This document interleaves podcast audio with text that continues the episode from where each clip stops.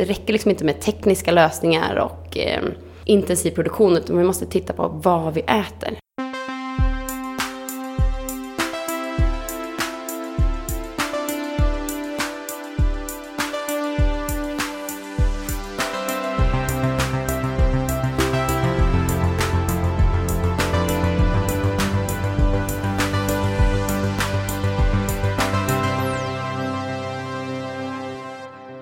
Ja, vi kör. Heja Framtiden från Bonnier konsthall idag. Eh, vi står här med Anna Åhnberg från Oatly. Välkommen.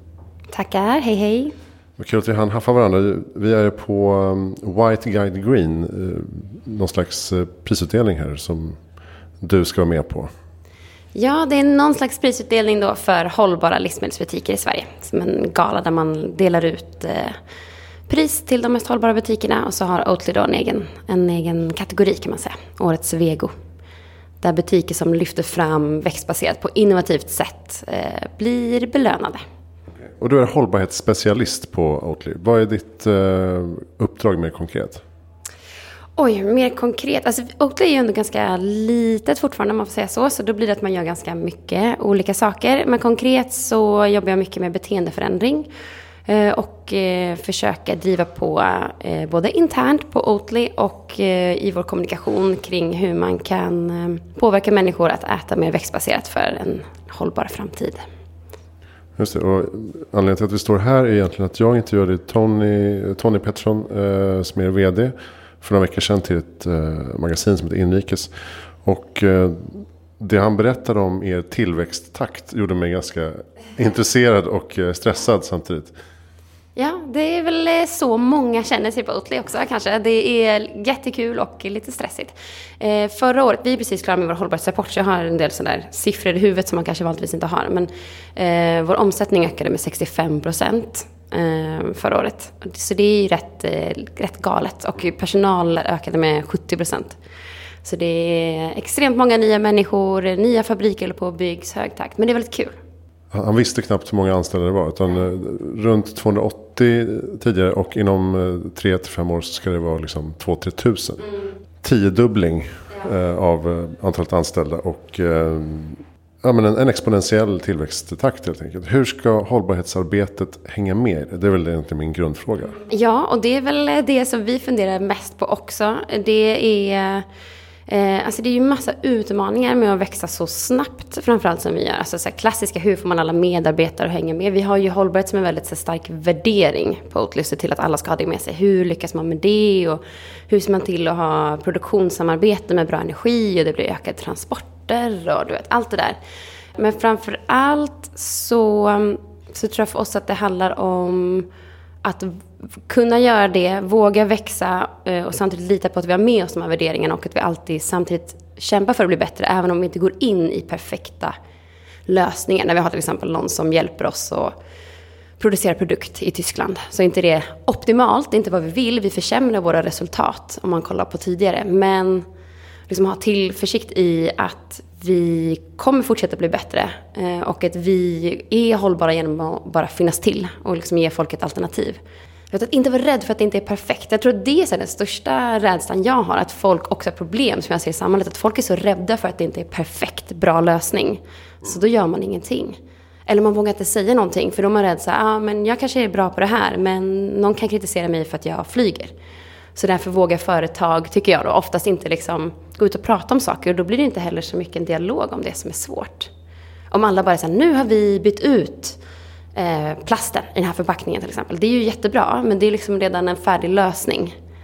Men man pratar inte så mycket om det som är svårt. Och det, och det är läskigt, men jag önskar att vi skulle göra det mer, för jag tror att det liksom tar samtalet framåt mer, om du förstår hur jag tänker. Ja, och det har vi varit inne på i podden tidigare också. Att eh, många företag drar sig för att kommunicera det de gör. För att man är rädd att men någon kan ju kritisera det. Att man inte, eh, som du säger, har alla, alla parametrar på plats hela tiden. Och det går ju inte heller. Men, men vad jag tyckte var intressant med Tony också var att han menar på att om, när man har en stark kultur så kan man springa fort som helst. För att då blir det så intuitivt att det hänger med liksom, på något sätt. Det är ju väldigt kul att han tycker det. Och då är ju så här, min största utmaning är att den här kulturen ska följa med. För att vi, vi är fyra personer då på hållbarhetsavdelningen. Så det är helt omöjligt att vi ska kolla. Så vi måste ju se till, precis som Tony säger, att kulturen finns med och att människor har med sig ett hållbarhetstänk i sina beslut. I de liksom valen de tar. Så att de också förstår konsekvenserna av val vi gör. Och sen kanske man Ibland måste du prioritera och inte sätta hållbarhet först. Men man behöver liksom, vara medveten om konsekvenserna och ja, hela tiden ha som mål att förbättra sig. Har Oatly kvar liksom underdog uh, approachen när man uh, blir så stora? Jag vet inte. Bra fråga. Alltså det blir väl li... Alltså vi är ju fortfarande... Jag tror att vi är som en så liten hund, du vet, som låter mer än vad vi är. Egentligen är ett ganska litet, alltså vi är ett litet skånskt eh, företag som nu ju växer jättemycket. Men så jag tror egentligen eh, så är vi väl det. Men eh, vi kanske kommunicerar på ett sätt som gör att det inte är lika lätt att ha den liksom, rollen. Även fast det faktiskt är så. Till exempel, alltså man ska tänka så här, Oatly versus mjölkindustrin så är vi fortfarande pyttesmå. Men eh, vi blir mer etablerade. Så det är kanske inte riktigt samma roll längre. Jag vet inte. Hur skulle du säga att eh, skiftet går till eh, växtbaserade livsmedel? Nu är det White Guide Green till exempel. Det hade kanske inte varit för 20 år sedan till exempel. Eh, hur, hur fort går det och vart vill vi komma? Eh, nu tycker jag ändå att det rullar på. Jag är ju en ganska otålig person så jag tycker att det går lite för långsamt. Men om man jämför nu. Jag har jobbat eh, med hållbarhetsfrågor inom dagligvaruhandeln sedan 2012. Eh, så jag tycker att det har ändå hänt jättemycket sen dess. Alltså jag fick så kämpa du vet, för att få in lite ekologiska produkter eller växtbaserade och sådär. Eh, och nu är det, ja, men det är stora annonser kring det och Coop hade kära köttbit för Alltså det ändå händer mycket. Men fortfarande liksom de själva eh, valen man gör i hyllan är ju det animaliska fortfarande norm. Även om det rullar på i en otroligt liksom häftig fart. Att det blir mer och mer växtbaserat. Jag var och handlade häromdagen och då så var jag vid den här vegetariska hyllan och så handlade jag eh, tofu. Och då så var det ett par som är typ så 55-årsåldern kanske. Så klassisk liksom eh, radhuspar känns det som, om du förstår vad jag menar. Så frågade hon mig så okej okay, förlåt jag såg att du tog den där tofun. Eh, vet du om det är så silkestofu eller vad är det? Jag ska ha det. Och jag bara antog att hon skulle köpa det för att hon skulle typ laga mat till sina barn eller någonting. Så då var jag så ah, det kanske inte är det som smakar mest och då måste man krydda ganska mycket. Och bara, ja, nej, men för att vi ska testa det här nya receptet. Jag tyckte det var så kul och jag blev så överraskad över min egen, liksom, min egen norm kring att de absolut inte skulle äta det själva. Så att, men så att det, det rullar på, men det behöver ju behöver göra den här omställningen snabbare. I Parisavtalet så vill vi ju inte ha en uppvärmning på mer än två eller helst en och en halv grad och maten står för ungefär en fjärdedel av växthusgasutsläppen globalt. Eh, så då måste vi ställa om och forskare är överens om att det räcker liksom inte med tekniska lösningar och eh, intensiv produktion utan vi måste titta på vad vi äter. För att det, vi kan göra ganska stora förändringar bara genom att och skifta lite hur vi äter. De animaliska produkterna står för mer än hälften av matens utsläpp och 75 procent av markanvändningen. Så genom att byta så kan vi göra eh, ganska stor skillnad. Och jag menar absolut inte att alla ska vara veganer, absolut inte, utan att det är så här, byt ut och försök äta lite mer växtbaserat. Kör lite, liksom, några måltider i veckan och testa nya grejer och så, så kan man få jättestora förändringar. Varför just eh, havre så bra? Åh, oh, havre. Fantastisk, fantastisk gröda. Nej men alltså det finns ju, vi kan ju inte ha monokulturer av havre, det måste finnas andra grödor också. Men havre är en väldigt så här, tålig gröda, det behövs inte speciellt mycket insatsmedel, man behöver inte vattna den. Så det är en ganska liksom, robust gröda som klarar sig själv. Eh, och den odlas ju jättebra i Sverige. Den är också eh, nyttig, har mycket så här, fibrer och då har ju Oatly en patenterad metod där man har utgått ifrån eh, enzymerna som finns i magen som liksom på samma sätt som magen naturligt bryter ner eh, fibrer och behåller liksom det nyttiga i matsmältningen.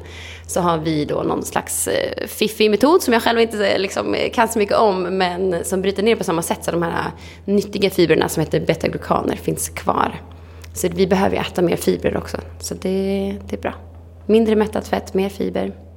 Jag på, nu ska ni, ni ska bygga fyra, fem nya fabriker runt om i världen. Eh, till den kinesiska marknaden uppfattar det som att det är Singapore det kommer landa en ny fabrik i.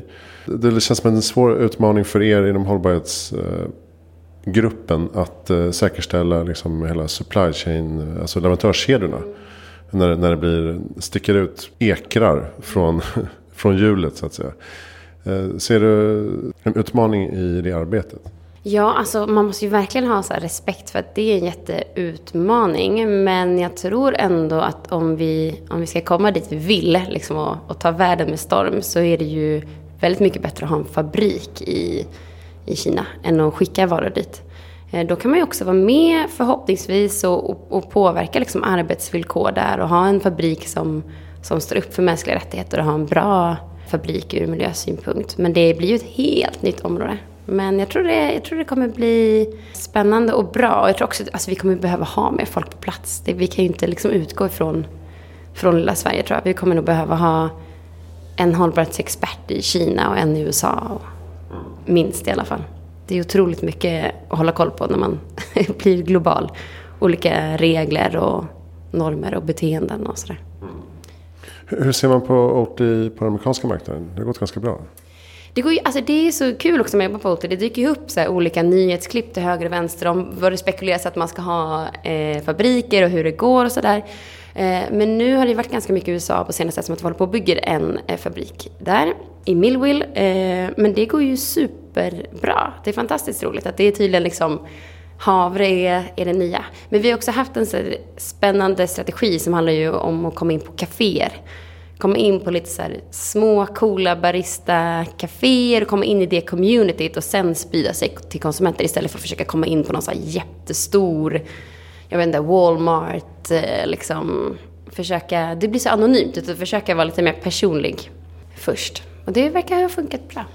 Och det är för att bygga varumärkeskännedom hos rätt personer? Ja, men precis. Och eh, ja, men att folk ska lära känna Oatly, vilka vi är. Vi vill ju gärna liksom, eh, vi tycker att vi är mer än en vanlig havredryck. Utan det är liksom ett företag med mycket värderingar och vilja och en speciell röst och liksom mer, eh, ja, men mer med en personlighet. Eller vad man ska säga. Ehm, jag brukar fråga vad är ditt tips, bästa tips för att göra världen bättre i framtiden? Alltså det klockrena hade väl varit att äta mer växtbaserat, men det känns lite cheesy. Men jag tänker ändå då, om jag ska gå tillbaka till att här, våga, våga göra grejen fast inte alltid perfekt. Och våga prata om det som är svårt. Då tror jag att man kommer komma långt. Istället för att bara försöka visa upp liksom sin perfekta yta. Lästips, har du sånt? I Lancet-rapporten är väldigt bra. Den är ganska så här, populärvetenskapligt skriven. Den kom ju, var det tidigare i år, som handlar om en diet som är inom ramen för våra planetära gränser, men också ur hälsoperspektiv. Liksom, vad behöver vi äta för att må bra och för att kunna föda 10 miljarder människor på jorden framåt också. Det kan vara kul sommarläsning tycker jag. det, det, också i den där Eat Lancet-rapporten då, så är det väldigt tydligt att växtbaserat har väldigt mycket hälsofördelar. Vem, vem tycker att jag ska intervjua i framtiden? Vår svenska superstar är ju Johan Rockström. Men det kanske du redan har blivit tipsad om. Jag har intervjuat honom men inte i poddforum. Det tycker du ska göra. Han är ju eh, liksom på Stockholm Resilience Center tror jag, eh, väldigt framåt i de här frågorna. Och liksom, jag kan inte tycka om att det känns som, nu känner inte jag honom så jag vet inte, det här är min uppfattning. Men att han känner lite att liksom så här, men nu får vi sätta fart. Det kan jag tycka är gött. För det är också så vanligt vet, att forskare så här, den här kunskapen om klimatförändringarna har vi haft i, i jätte, alltså flera decennier. Men det kan vara ett problem med att forskare ska nå ut till samhället. Alltså hur översätter man forskarspråk till någonting som folk förstår och kan vilja agera på? Alltså det är ganska lätt att det fastnar där tror jag, för att de inte riktigt får folk eller politiker med sig. Och han känns som en bra liksom, förebild i en forskare som är ute i samhällsdebatten och pratar så att folk förstår. Bra, tack snälla Anna Holmberg för att du kom till Heja Framtiden.